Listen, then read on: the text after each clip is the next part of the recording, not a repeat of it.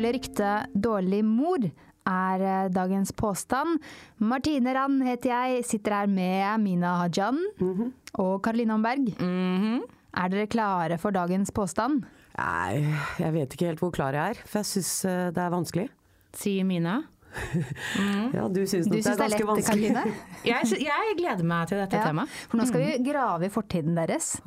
Dere har på en måte et dårlig rykte begge to. Nå ble jeg litt sånn feig, jeg turte ikke å si at dere hadde et dårlig rykte, men dere, dere har på en måte et dårlig rykte. Vet, ja. Vet du hva Kristoffer Schau sa til meg en gang? Nei. Han, vi var på et sånt brainstorming-møte, vi skulle lage noen greier som aldri ble noe av. Og så sa han ja, du er jo kanskje den eneste her i landet som har enda dårligere rykte enn meg. Sa han. Da tenkte han jo ikke på meg. Nei, da tenkte han ikke på deg, Mina. Men da ble jeg litt sånn flattert. Sånn, Oi, Kristoffer Schau vet at jeg har dårlig rykte. Jeg er glad i Kristoffer. Ja. Så vi skal altså snakke litt sånn Den påstanden ble veldig kort, men det vi egentlig skal snakke om, er at det livet du levde før du ble mamma, gjør deg til en dårlig mor. Altså de fordommene som kanskje ligger da eh, mot dere to og mange andre mødre som har hatt litt utypisk eh, oppførsel, da. ikke akkurat sånn mammaoppførsel. og at det da eh, påvirker hvordan dere er som mødre. Ja, sikkert. Eller at det har negative konsekvenser for barna våre på noe vis. Da. Ja, det ikke er vel sant? det vi Det er det verste. Så vi skal ikke egentlig snakke så mye om påstanden stemmer eller ikke, men hvordan dere føler rundt det her. Vi skal grave i historiene historien eh, deres. Ja. Og eh, vi skal jo da Uten silkehansker. Uten silkehansker. Så det blir, vi skal jo snakke om din eh, fortid i pornoindustrien, Karoline. Mm. Og så skal vi snakke om eh, din fortid som eh, kjeftesmelle og bare gæren dame. På radio. På Jeg skal radio. ikke si sånn, jeg går ikke rundt i gata og skriker Nei, nei, men- til folk, liksom. Men, folk, men det er jo Mina, folk tror jo at du er gæren. Ja. Fordi du var gæren på radio. Sånn er det jo. Altså, gjør du gæ- gærne ting på radio, så tror de oh, her kommer hun. Ja, men det er ingen andre som opplever det. det er, ta Nevn én mann som blir sett på som gæren på radio, uansett hva han gjør på radio. Om det så er å dra ut sin egen bæsj, eller hva faen det er. Det er fordi jeg var dame. Men øy, den feministpraten tar vi en annen dag. Men eh, ja. Ja, så dette her, vi skal, Siden vi skal eh, litt tilbake i tid og i fortiden, og alt sånn her, så blir det her en litt eh, lengre episode enn vanlig. Men det blir en god en, ja, ja. kjenner jeg på meg.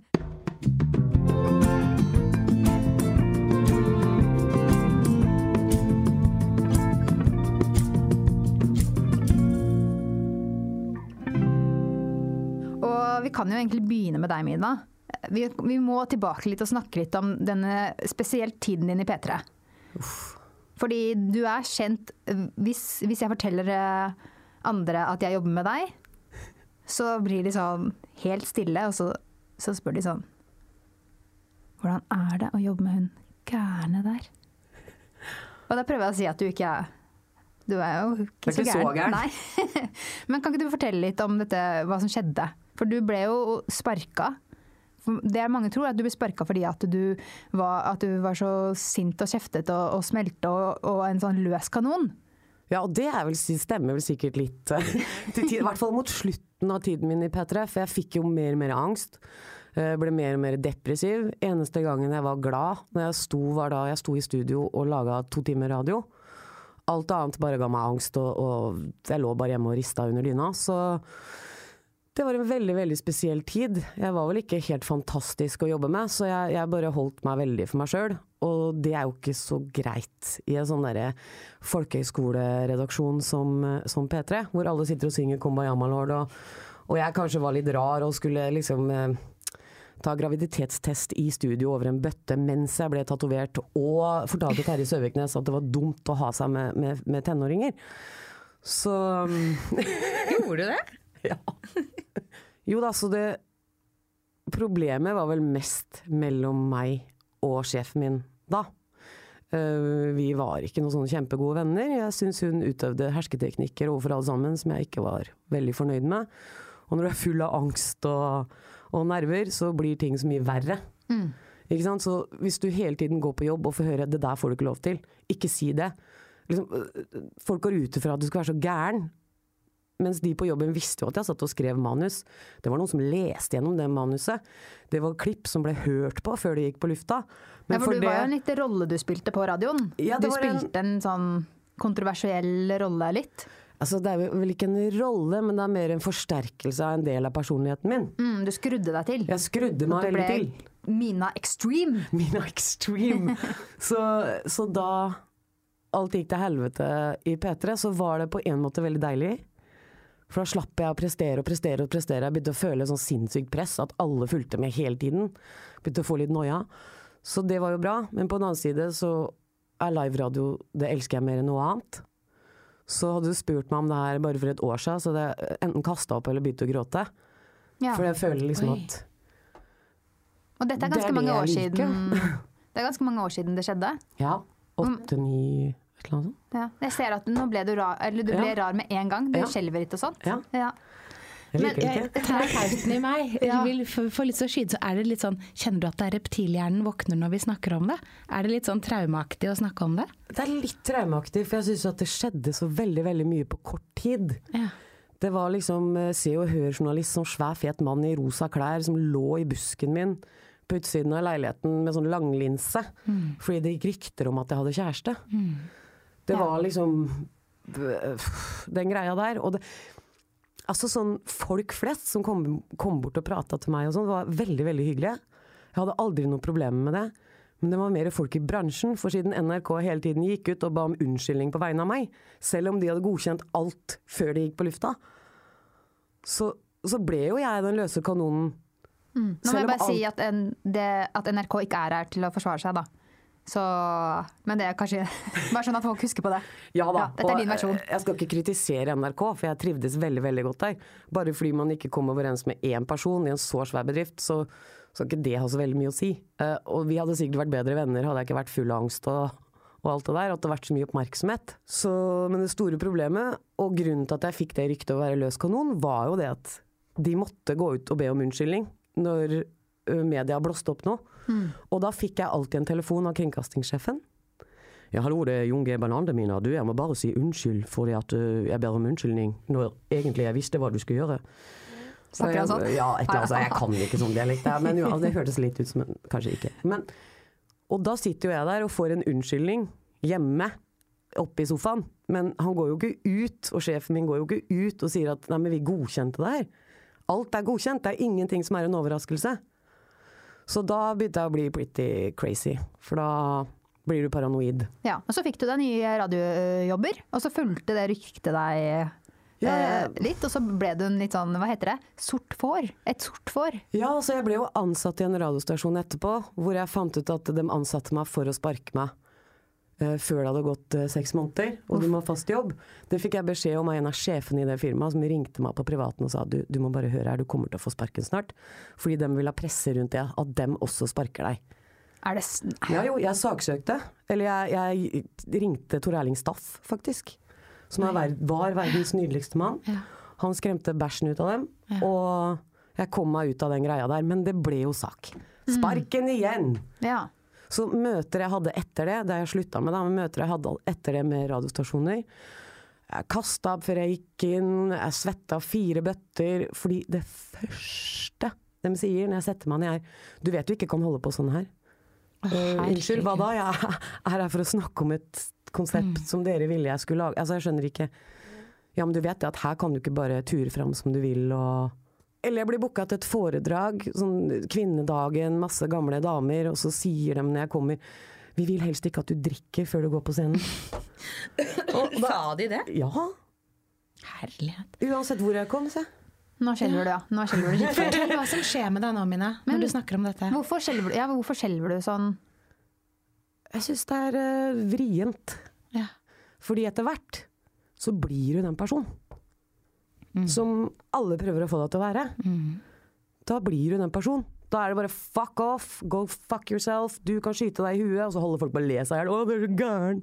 Ikke sant? Så da, da blir du den personen. Så heldigvis så har jeg vært borte en stund nå. Så ja. Ikke få meg til å gråte. Jeg ser du sitter og ser på meg og sånn, og jeg har grått i halsen, men jeg orker ikke. Nei. For da klarer jeg ikke å stoppe. Du, opp, du sa egentlig noe innmari viktig der, syns jeg, Mine. For du oppsummerte på mange måter barneoppdragelse i et nøtteskall. I forhold til at man blir de, i, møte med, I møte med deg blir jeg til, da. At de blir den vi ser at de er.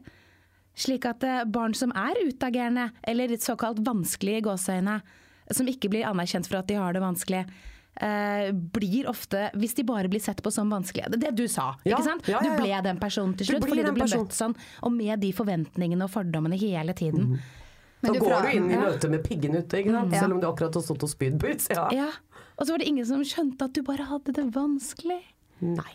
Men jeg er jo ikke typen til å ringe VG. Men du kunne jo sagt fra om det da, Mina. Nei, men det Nei. å ringe VG og Dagbladet, sånn som veldig mange gjør, og si ja, jeg hadde en depresjon og jeg ville dø, og liksom alt det der.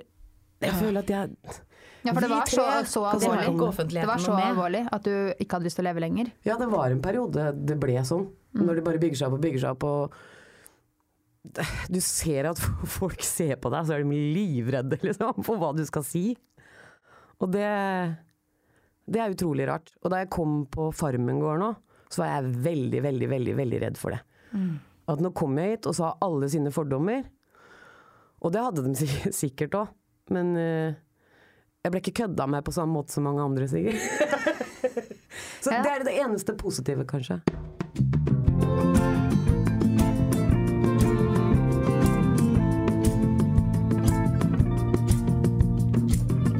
Du hører på Avkom. Vi fått eh, høre litt om eh, deg, Mina. Så tenkte jeg at vi kan høre litt om Karline Karoline sin fortid før vi diskuterer dette her med, med hvordan det er for dere to med dette dårlige ryktet å være mødre. Og Karoline, pornoindustrien. Det Ja. er ikke hvem som helst som blir en del av den. Nei. Hva, hva, hva, hva, holdt jeg på si, hva tenkte du på, men hvordan Jeg skjedde er det? ikke hvem som helst, Martine. Nei, det er helt Nei, og det er deilig, Karoline. Eh, hvordan det skjedde. Mm. Altså, jeg har alltid hatt en veldig protest i meg eh, når det kommer til skam. En kjempeprotest, og, og det hadde jeg da. Så jeg, det var en, jeg hadde en, et voldsomt behov for å protestere mot det jeg opplevde at var veldig smale rammer for hvordan kvinnelig seksualitet skulle være, og hvordan kvinnekroppen skulle se ut. Og samtidig så opplevde jeg veldig mye fordommer mot kvinner som seksuelle subjekter. Jeg opplevde at kvinner kunne være sexobjekter. De kan godt være, eh, være attrå, eller at andre begjærer de. Men en kvinne som selv begjærer, blir veldig fort pervers eller vulgær eller usmakelig. Og det hadde jeg bare et så enormt behov for å protestere mot. Men så sitter Mina og jeg og nikker skikkelig. Ja, altså, halleluja! Ja. Ja. Vi er for kåte damer, at det Ja. er eh, Ja, det må, det må virkelig være greit. Ja. Og jeg følte at samfunnet hadde et sånt forhold, et, et, et Tore og Madonna-kompleks i forhold til at Madonna er grei. Eh, selv, og, og, og blandingen det, er- det, det skulle være så innmari Det skal bare være sex og singelliv, kåt. Ikke sant? I hvert fall ikke mer enn Samantha. Bare litt sånn akkurat innafor. Uh, mens, mens jeg tenker at alle Jeg var opptatt av at alle har en hore og alle har en Madonna inni seg, for å si det sånn. Vi er både liksom Vi er både Luddere og Ja, kan- eh, ja. Desperate Housewives. Men man er jo ikke Ja. ludder. Det er vel det som var poenget ditt. Man er ikke er ja. ludder, man er bare kåt og deilig, holdt jeg på å si. Ja, og det skal være greit. Ja. Men du kan også være en strålende mor og en uh, fremragende karrierekvinne med strålende akademiske resultater, samtidig som du har for å sette det på spissen, da, som du har horefantasier, eller liker å ha analsex, eller få ris på rumpa, eller Det ene utelukker ikke det andre. Man kan være alt. Vi er hele dette spekteret. Hele denne regnbuen av egenskaper som er det å være menneske. For du, du spilte inn og regisserte Jeg klarer ikke å si det. Regisserte. Ja, Sa du det riktig nå? Ja. Egen pornofilm.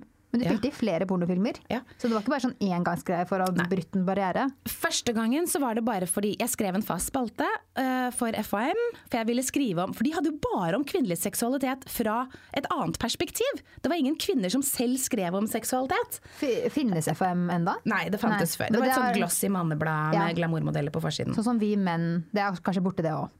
Jeg veit ikke. De har, Glossy manneblad Ja. med, med Nakne damer. Ja. Ish. Jeg kontaktet de og sa ok, deres lesegruppe trenger å høre om kvinnelig seksualitet fra en kvinne, så jeg ville ha en spalte der. Og så fikk jeg det, og til den bestemte jeg meg for å dra og teste ut pornobransjen. Og det var det at jeg hadde det journalistiske alibiet som gjorde at jeg turte å teste det ut. Hvis ikke så hadde jeg nok ikke turt. Eh, Men så fort man har et sånt journalistisk alibi for å sette i gåsehudet, så tør man ting man ikke tør ellers. Ja, er dere enig i det? Enig i det. Kjenner dere det igjen? Oh, yes. Ja. Yes. Så da gjorde jeg det, eh, og trodde jeg bare skulle gjøre det én gang for å teste det ut. Eh, Men så fikk jeg et skikkelig Jeg jeg var veldig overrasket. Jeg fikk et forbanna adrenalinkick. kort og godt. Og det er jo merkelig, men det gjorde jeg. Og det tror jeg var fordi at for første gang i mitt liv så følte ikke jeg ansvar for seksualakten. Hele min tenåringstid og gjennom min seksuelle oppvåkning så hadde jeg følt et veldig sånn prestasjonspress på å være god i senga, på å prestere. På å se, ja, på, Men på, hæ? Da du spilte inn pornofilm, så følte du ikke ansvar? Nei, for da var det regissøren sitt ansvar. Å, Da kunne jeg bare stå der på alle fire og bare, og bare ta imot, på Ja. en måte. Men hadde du det var det, Og av en eller annen grunn så opplevdes det frigjørende for meg. Ja. Men var det digg? Ofte, ofte var det digg. Det er ikke vondt å pule. Nei. Men noen ganger, på femte timen, så var det ikke så. Altså Noen ganger så var det bare å få jobben gjort. Mens andre ganger så var det sånn at vi hadde såpass god kjemi at selv når de sa kutt, så fortsatte vi.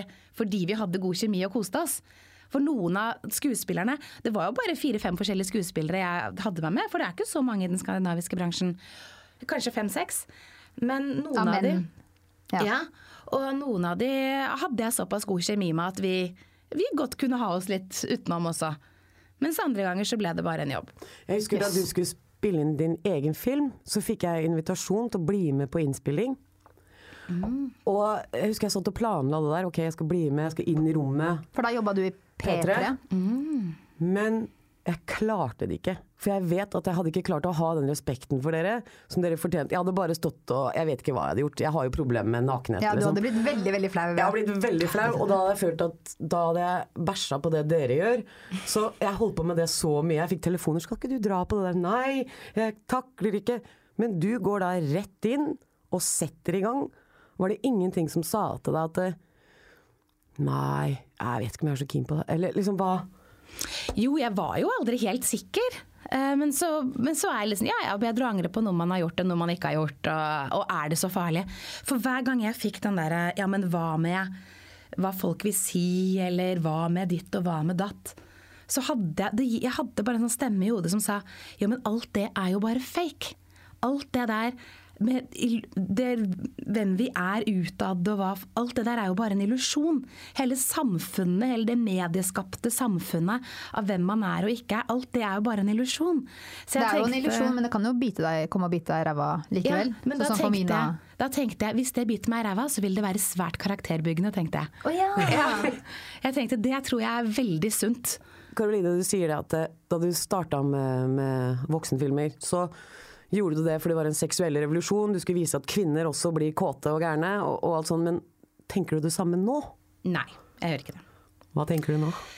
Nå tenker jeg at jeg hadde En av grunnene til at jeg hadde så utrolig behov for å protestere mot den skammen jeg opplevde lå der, når det gjaldt eh, porno og kvinner som seksuelle subjekter, da, er fordi jeg selv For dette har jeg tatt mye terapi på.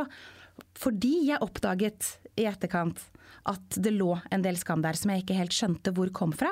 For jeg oppdaget at det var ikke det at det lå filmer og bilder av meg på nettet uh, som jeg kjente skam for. Det at det sitter en eller annen fyr oppe i Nord-Norge og tar seg en runk til meg, den runken den byr jeg, jeg gladelig på. Det er liksom Kos deg, gutten Der er du raus. Det er greit. Ja. Der er jeg raus. Men det er den derre plutselig var så utrolig mye meninger, og hva folk mener, og hele den derre slut-shaminga, og den min forventning om at andre skal ha lave eller feil forventninger til hvem jeg er som menneske. Og så begynte jeg å grave i den skammen her, og begynte å gå og ta terapi på dette her. Og så har jeg kommet til en erkjennelse som jeg tror toucher veldig ved kjernen. Og det handler jo om at jeg selv ble utsatt, ble vist pornografi i veldig tidlig alder. Hvor tidlig? Allerede fra jeg var typ fire-fem.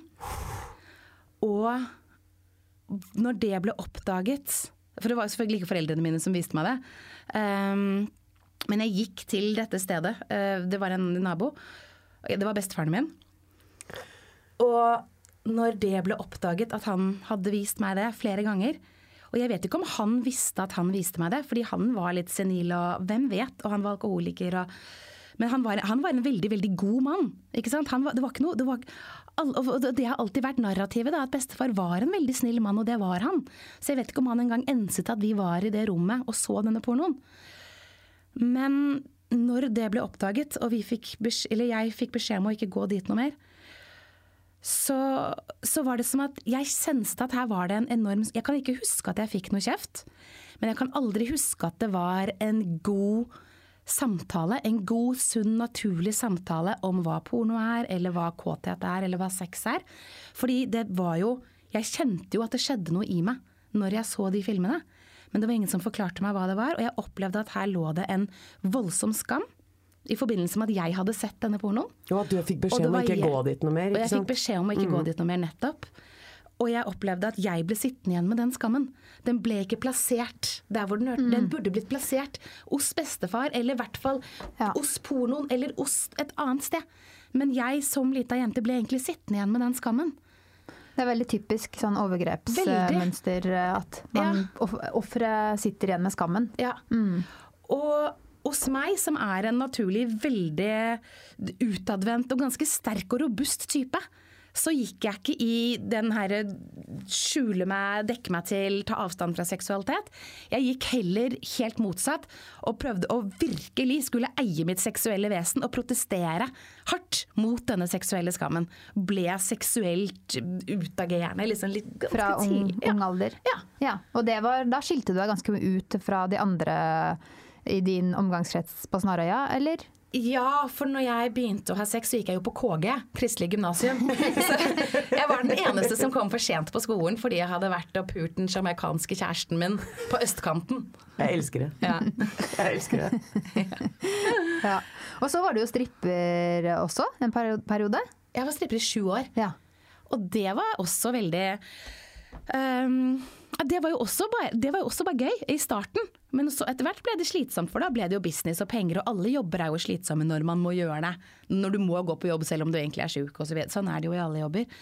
Men jeg hadde mitt eget firma og strippa på utdrikningslag hver fredag og lørdag i sju år. Veldig jeg, må, og jeg, jeg kommer ikke unna det. Nei, jeg er jo ikke for at kvinnekroppen skal være vare og alt dette her. Jeg er egentlig mye mer feminist enn folk har gitt meg kred for, kanskje. Eller jeg har egentlig fått en god del feministkred når jeg tenker meg om. Men det var en dødskul jobb, altså.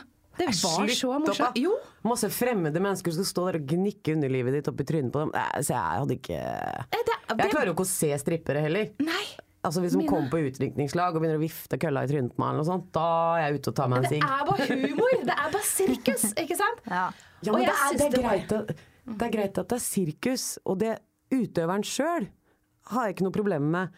Men sånne kåte blikk fra ekle menn som, eller kvinner som sitter der, som du bare ser, de har bare lyst til å rive an suspen og go for it, liksom. Det er bare morsomt. Jeg får sånn derre Tarantino, girl power, Rodriguez dun, dun, dun. Jeg blir helt der, jeg. Med en gang.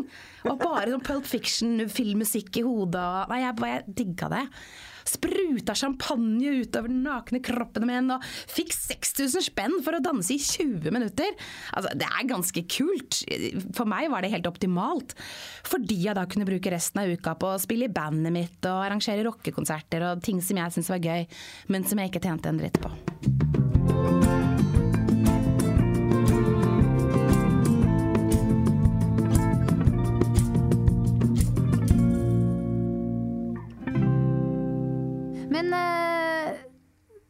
Som dere har blitt mødre, da.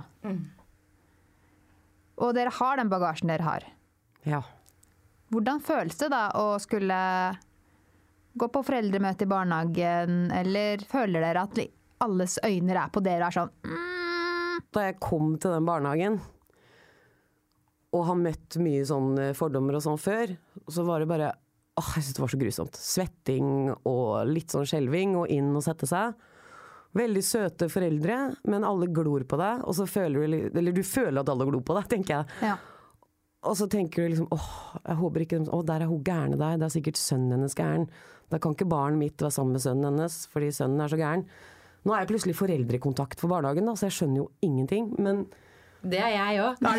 Yeah, baby! High five! Dere, ass. Er high five for uh, alt Altså, mulig. jeg tror jeg ble foreldrekontakt bare fordi jeg hadde noia. For det, var, hvem vil være foreldrekontakt? Jeg rakk ikke opp hånda. Og ingen andre heller. Og så bare ser hun på meg. Kan ikke du eh, Og da følte jeg liksom at å, jeg vil at de skal like meg. Ja! Jeg kan bli Ikke sant, ja. Sånn som eh, du, eh, Mina. Du er ganske sånn, selv om du har hatt litt mye angst og sånn, så er du ganske sånn sterk dame har mye meninger og gjør ting som du liker å gjøre ting. Og gir litt faen i alle andre. Mens akkurat når det kommer til sånn barnehagegreier, så har jeg plutselig sett en helt ny side av deg. For da var du helt fortvila og kom til meg. Jeg har jo ikke barn eller peiling eller noen ting. Og da var det, det var ved juletider, og da var det sånn de andre foreldra har gitt gaver til, eh, til barnehagetantene. Julegave? Ja, julegave. Da ble du dritstressa av det. At ikke du hadde gjort det. Å nei, de kom til å tenke at du var verdens verste mor. Og du hadde en helt sånn derre stressrulleball ut av det. Jeg, jeg vet ikke, jeg Jeg vil bare ha det normalt for sønnen min. Jeg vil at han skal ha det normalt. Jeg Men er du da redd for at du ikke er normal? Er det derfor? Altså, jeg har ikke vokst opp normalt, for å si det sånn. Jeg var veldig unge foreldre, vi kom fra London. Det var liksom Jeg ble uglesett så fort jeg gikk inn i skolegården, fordi jeg er halvt iransk, og da var jeg litt brun. Og så, det var hele den greia der. Så jeg vet ikke, jeg tror det er noe inni sjela mi eller inni hjernen min som sier at nå, du, du må bare gjøre sånn som alle andre. Ha det normalt for sønnen min, så ikke han Nå skulle jeg si stikker seg ut, jeg håper han stikker seg ut etter hvert, men skjønner du hva jeg mener? At han ikke stikker seg ut pga. deg. Ja, han skal Ja. ikke stikke seg ut pga. meg. Sånn. Ikke sant? Så her om dagen så hørte jeg at Henry hadde klappa til bestevenninna si i barnehagen. Ja. Og da, da får jeg totalt angst. Da tenker jeg, Han har klappa til en uh, liten jente i barnehagen, bestevenninna si. Da tenker de sikkert ja, men det er sikkert mora som er gæren. Ja, det, jeg, jeg vet ikke, jeg får den tanken med en gang. Ja. Så jeg har rulla kluter på badet, og det er så orden inne på det rommet hans at det er helt nifst. Og det tror jeg er det. Ja, er det overkompensering på en måte for din egen eh, Ja, utagerenhet? Overkompensering. Også fordi at jeg husker da jeg var liten, så ville jeg bare ha det normalt. Jeg vil ikke at han skal bli så fucka som meg. Men du er ikke fucka. Nei, men jeg har jo mine traumer, ikke sant. Ja. Det, sånn er det jo bare. Men Karine, Karoline, du var inne på noe med overkompensering. Og jeg tenker at du er jo eh, Nå husker jeg ikke hva det heter, men du er leder for eh, foreldre... Nei, hva heter barn... Hva? Foreldreutvalget for barnehager. Ja. Og du har eh, vært eh, engasjert deg i, i foreldreopprøret. Et, solida et solidarisk opprør med barnehageopprøret. Men Ikke sant? foreldreopprøret er foreldrenes opprør for bedre bemanning i Ja. og Og du er sånn eh, foreldrekontakt i barnehagen. Ja. Ja. Og du representant. Representant. Ja? Ja, Jeg kan ikke vi. noen av de tingene her. Prøver å ramse opp. Men, og du driver og, og la, koker sånn eh, kraft til babyene og lager sånne muslimuffins. Og du kjører på med alt. Og da tenker jeg da får jeg veldig sånn at jeg har lyst til å spørre deg om du overkompenserer. Fordi at du kan føle at du har et dårlig rykte, og så vil du vise at 'jeg kan faen meg være en god mor'. Jeg har relativt god selvinnsikt, Tror jeg. Fordi jeg jobber jo veldig mye med det. Pga. Jeg tar denne terapeututdannelsen ved siden av. Men svaret mitt er nei, Martine. Jeg tror ikke jeg overkompenserer. Fordi grunnen til at jeg er så utrolig engasjert i barndom og barnehagekvalitet og dette her, er jo fordi eh, det er jo Det er fordi jeg har barn. Og når jeg fikk barn, begynte jeg å lese om barndom, sette meg inn i barndom. Og det var også da jeg begynte å studere EQ-terapi, og skjønte hvor viktig barndommen er for resten av livet. Det er kanskje en av de mest uutnyttede ressursene vi har når det gjelder å skape fantastiske fremtidige verdensborgere, eller å la de utvikle seg til å være det. da. Så jeg bare brenner veldig, veldig for barndom. For god barndom. Kanskje det stedet hvor jeg kan overkompensere, er i forhold til at dette med seksualitet skal være så naturlig. Og, og, og skamfritt. At det skal være skamløst. Fordi jeg ikke ønsker at mine barn skal oppleve den skammen. Um, så jeg har lurt på overkompenserer jeg der. uh, I forhold til at barna mine får liksom fri, fri flyt av informasjon når de spør om det. Hva mener du med det? Eh, At det heter penis og vulva, at eh, barn blir til fordi det er en eggcelle og en sædcelle som møtes. Ja, hvor Altså, gamle er barna dine? Uh, yngste er to, eldste er fire. Ja, og de får lov til å få svar på alle sånne ting. Ja, er du gal? Ja, Absolutt. ja, Men toåringen har jo ikke begynt å spørre, det, men fireåringen spør. Ja. Og hver gang hun Men, jeg, jeg, er jo, men, men jeg er jo bevisst på å ikke overkompensere, så jeg passer på å ikke svare på mer enn hun spør om òg. Mm. Ikke sant? Men jeg tenker at det kan, du ikke, kan det ikke være da Ikke at det er noe farlig å få informasjon om sex, men det er viktig at de får den svar på det de spør om, og ikke masse, masse mer, for det får de ikke tatt inn Ja, over eller seg det, kom, det kommer en stork, liksom. Jeg tror mange har holdt på sånn opp gjennom åra. Sånn Nei, det Gud sender ned en liten engel som havner oppi den sengen her. Liksom sånn tull. Ja. Men jeg tenker på det her med sex og skam. da. Er du ikke redd for at når da, kanskje spesielt eh, eller sønnen din eller datteren din, da, eh, blir litt eldre, og eventuelt da blir konfrontert av andre La oss si at de er i tenårene, da. Så er det en eller annen i klassen eller noe som viser deg i pornofilm til de. Tror du ikke det kan gjøre at de kan få et litt spesielt forhold til sex? Nei, det tror jeg ikke. Tror du ikke? Nei. Når skal du fortelle dem Det som, gjør at, det som former deres forhold til sex, er jo eh, hvordan de møter sin egen seksualitet, og hvordan vi som er deres omsorgspersoner nå, evner å forholde oss til at de har oppdaget sin egen seksualitet. Ikke sant? At de får lov til å være nakne og ha et naturlig forhold til kroppen sin, og ta på seg selv sånn som barn gjør, uten at vi voksne skal moralisere eller blande oss med det. Eh, Det er jo det som former deres seksualitet. Jeg tror ikke at min seksualitet, spesielt ikke min seksualitet for ti år siden, kommer til å påvirke deres seksualitet i det hele tatt. Og så er det, men det er noen som også har spurt, for journalister har alltid spurt meg hva med når du får barn? Og et annet dødsteit Vet du hva, alle journalister som har stilt det spørsmålet, gå og ta dere en fuckings bolle, ass! Skam dere! Et sted man kan skamme seg, det er når man stiller sånne spørsmål, og det er vil du synes det var bra om barna dine spilte i porno? Altså, er du tjukk i huet? Eh, for et teit spørsmål. Hvorfor er det så teit? Det, fordi det stilles bare sånn at de kan lage overskriften 'Vil at barna skal spille i porno'. Ja, ja. For du hadde syntes at det var greit at de hadde spilt i pornofilm? Nei, jeg håper selvfølgelig at mine barn ikke kommer til uh, å spille i pornofilm. Nå stilte jeg det spørsmålet indirekte uten at du ble sur. Ja, men nå la jeg litt opp til det. Da. Selvfølgelig, eller det er jo ikke en selvfølge. Man kunne jo tro jeg var så fri at jeg tenkte ja, de må gjerne spille i porno hvis de vil det. Men jeg vet jo at ingen som Jeg har i hvert fall foreløpig aldri møtt noen som har spilt i porno uten at de har hatt en eller annen trøblete grunn til at de gjør det. Jeg trodde jeg var unntaket, men så viste det seg at jeg var ikke et unntak.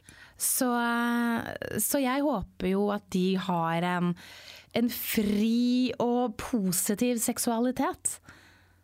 Som ja, som, som ikke er et forsøk på å kompensere for noe. For jeg tenker at vi som har vært i porno, gjør det for å kompensere for et eller annet. Og det ser jeg jo nå at det var det jeg gjorde. For det var jo ikke ekte nytelse jeg drev med. Det var adrenalinkick. Det var, det var, det var en annen form for kroppslig frigjøring. Men det var ikke den ekte sensuelle, herlige nytelsen. Jeg hadde aldri en ekte orgasme på porno. Og jeg håper jo at mine barns seksualitet, når de blir så voksne, skal være en positiv seksualitet med fokus på nytelse, og der de er i autonome i sin egen kropp. da. Men har du tenkt på hvordan du skal fortelle dem at du har spilt inn porno? Ja, det tror jeg kommer veldig naturlig, eh, og jeg tipper at det kommer i løpet av barneskoleårene. Fordi s- sexrelaterte spørsmål kommer jo regelmessig i løpet av oppveksten, så lenge omsorgspersonene er klare for å ta det imot. Eh, Og på et eller annet tidspunkt i løpet av barneskolen så blir det naturlig å snakke om at det fins noe som heter sex på film. Fordi veldig mange barn i dag møter nettporno før de er ferdig på barneskolen. Dette her kunne jeg snakket om i en time, så jeg kjenner jeg må fatte meg Dette er noe av det jeg jobber med å holde foredrag om. Ja. Og da må jeg fatte meg i korthet. Hva sier du? Nei, når, det, når vi må snakke om at porno fins, så blir det så blir det først den her, det finnes noe som heter sex på film, og så må vi jo snakke om hva det er.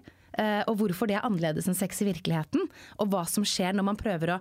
Når noe egentlig er godt, men så forsøker noen å tjene penger på det, og da hender det at fokuset ikke er på det som er godt lenger, men på det som er ekstremt. Eller det som man får klikk eller penger for osv. Og da blir det også naturlig å si og mamma har også faktisk spilt i en sånn film en gang.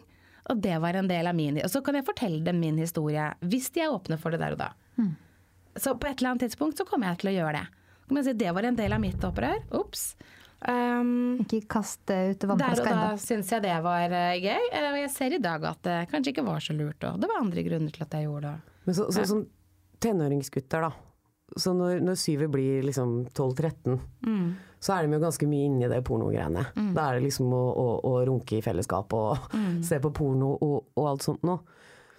Hvis da en av gutta, hans kompiser, sier 'æ, så mora di på film', og så tar Syver og banker opp han kompisen. For det, ville vært veldig naturlig. Noen kødder med mora di. Ja, men mine barn lærer ikke konfliktløsning via vold, Mina. Nei, men du- er du 13 år Ja da, jeg ser den. Jeg håper jo at hvis noen sier til mine barn ah, 'jeg så mora di pule på film', så håper jeg at mine barn sier 'jaså, koste du deg?' Eller 'jaså, var det bra?' Eller bare 'jaså'. Altså, Ja, bra. jeg håper de sier 'ja, veit jeg vel'. Ja. At de ikke drar det noe lenger, nei. Jeg håper at de sier 'so'. Ja. Ja. Det håper jeg de sier. Har du lyst til å være med også? Har du noen spørsmål? Mamma svarer gjerne hvis det er noe du lurer på. Ja, det er det du må si. Det var lurt. Mm. Men øh, føler dere at øh, de andre, kanskje spesielt mødrene i barnehagen, skuler på dere? Jeg prøvde å spørre om det i stad, men jeg følte ikke jeg fikk så godt svar. Jeg har oppdaget at nesten alle fordommene jeg trodde at andre hadde mot meg, det var mine egne fordommer mot de. Og de fordommene møter jeg så å si aldri. Det er veldig lite fordommer, synes, opplever jeg. Og hvis noen har de, så snakker de sannsynligvis om det bak ryggen min, så jeg møter ikke noe, jeg ser ikke noe til det. Men du har sagt før, Karoline, til meg i hvert fall, at du er veldig dårlig på å skjønne når folk snakker om deg. Ja, det er sant. Ja. At du liksom ikke er så god på å lese Ja. de der sosiale greiene, at folk liksom kan prate om deg. Ja, det er sant. Så da Jeg spør jeg deg, Mina. ja. Mina, hva, hvordan følger du det? Jeg, jeg, jeg jobber litt med meg sjøl på det området, siden jeg liksom har hatt sånn maks dose med angst. Det har jeg jo ikke lenger. Bare sånn småangst for små ting. Um, så jeg jobber liksom med det. Så når jeg kommer inn og bare 'Å, herregud, så hun litt rart på meg nå', så tar jeg meg i det. Skjerp deg. Det er sikkert bare du som sitter og eier den følelsen her. Og siden jeg har klart å gjøre det ganske mye, så får jeg ikke like noia av å være i barnehagen. Og, og alle er kjempesøte. Jeg må bare dra ned den der svære metallmuren jeg har satt foran meg, og se. Ja. Og det føler jeg at jeg gjør når jeg ser. Eh, det er klart eh, Det hjelper at jeg hadde det forferdelige ryktet for noen år siden. Eh, Så, så jeg merker at det henger ikke så mye igjen lenger. Og det er deilig. Tror du det var verre hvis, du hadde, hvis det hadde vært tettere siden? Ja, hvis det, siden? ja, hvis det var, hadde vært rett etter jeg uh, fikk fyken i P3, hvis jeg hadde fått barn, så hadde jeg nok uh, Jeg vet ikke. Det hadde ikke gått så veldig bra. Nei.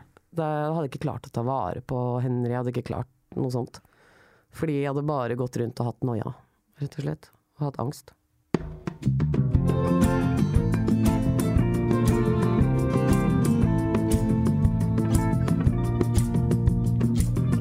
Du hører på Avkom. Så du har planen klar, Karoline, på alt du vil si til barna dine om din pornofortid? Både ja og nei.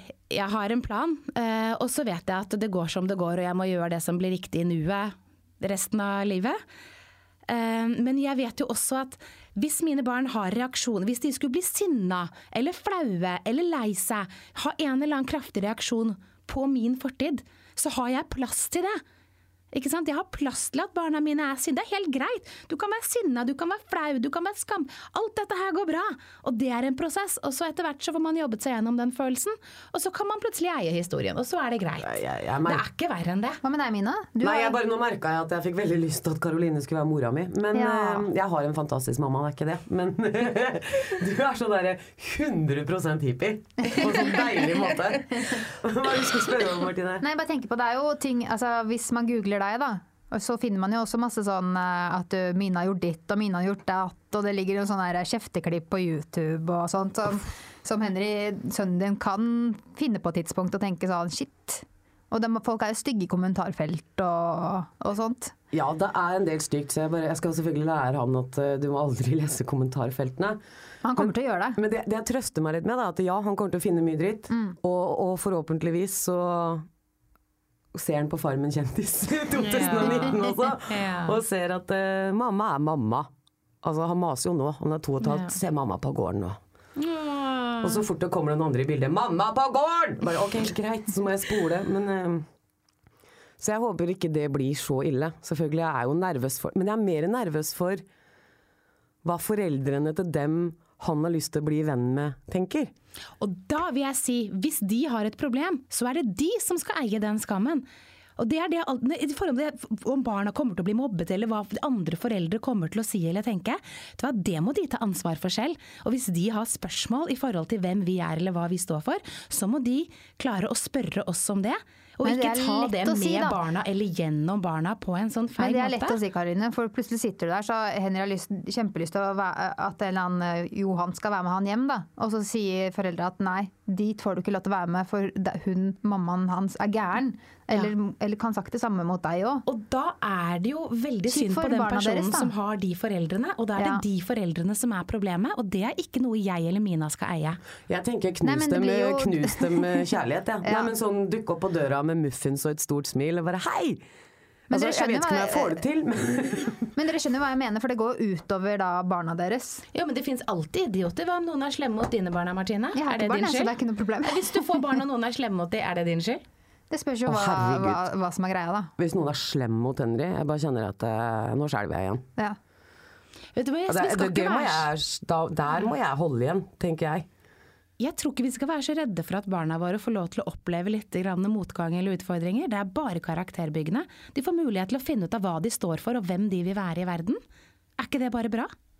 Jo, men, men sånn som mobbing, og jeg ble utsatt for det på barneskolen, og det er ingen voksne som gjorde noe med det. Altså, det blir gjort sånn på en sånn skjult, vemmelig måte. Men var det da mora di sin skyld? Nei, Nei. ikke, mora mi prøvde å gjøre noe med det. Ja. Men det ble jo ikke sett veldig, veldig lenge.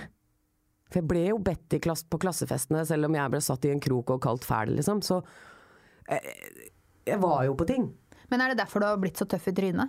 At det er en sånn forsvarsmekanisme? Nå ble jeg veldig sånn psykologdust her, men, men er det det? For du er litt sånn tøff i trynet. Ja, jeg har vel kanskje alltid vært bitte litt tøff i trynet, eh, Ja. men den siden folk ikke kjenner, er jo den sjenerte meg eh, som sitter rolig og hører på eh, gammel jazz. Men jeg vet ikke. At det er sånn angrep er det beste forsvar. At eh, du bare Ja, det, har, det har ofte vært sånn at angrep er det beste forsvar, i hvert fall eh, da jeg var full av angst og følte at hele Norge så på meg som en riksfitte. Ja, da bare kjørte du på. Da Jeg bare- var riksfitte! Ja, Ja, men på en helt annen måte! riksfitte 1, riksfitte 2. greit.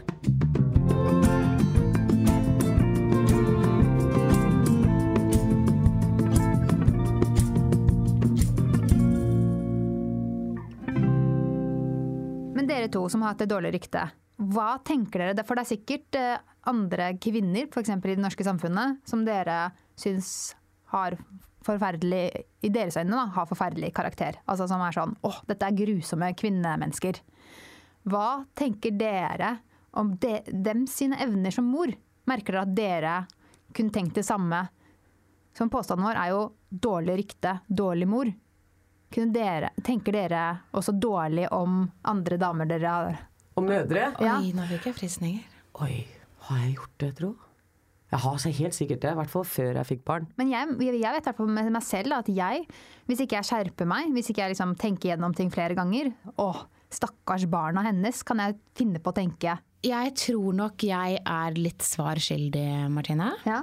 Fordi som du sa Mina, det er alltid en grunn til at man blir som man blir. Og det har jo vi også egentlig snakket om nå med våre historier. Og, og det prøver jeg alltid å huske på.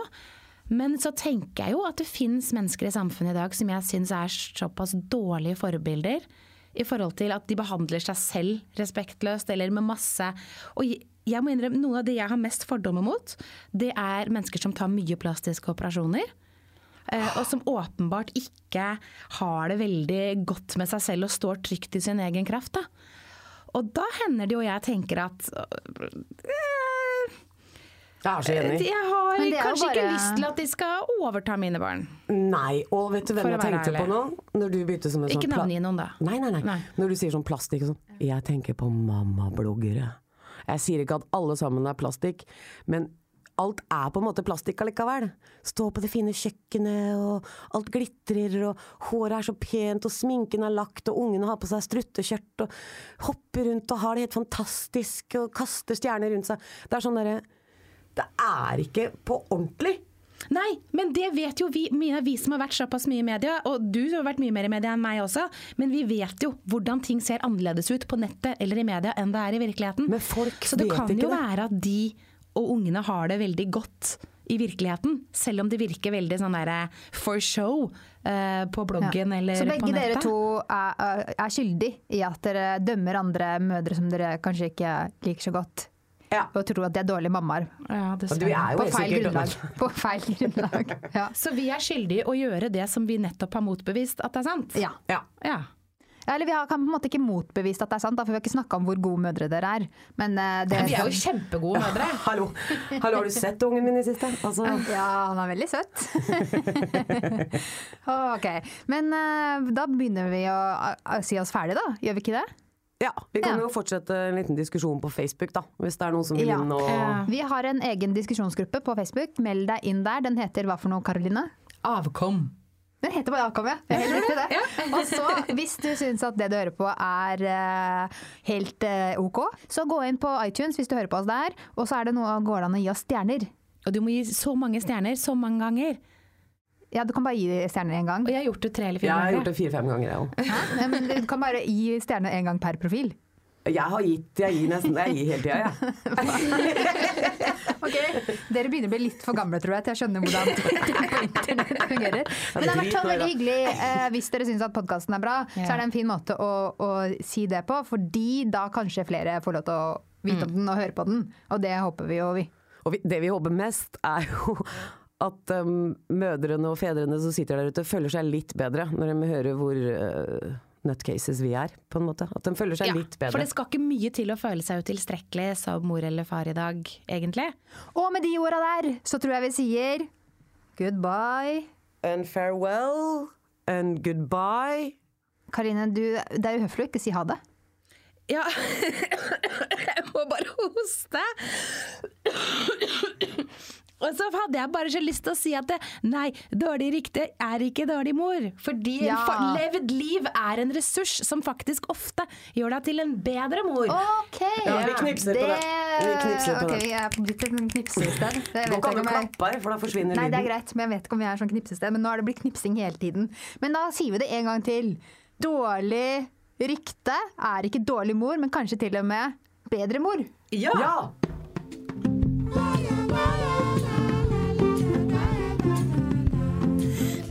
Du har hørt på Avkom.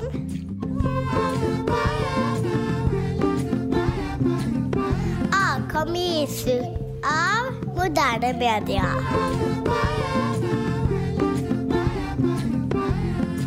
Musikken er laga av August Kant.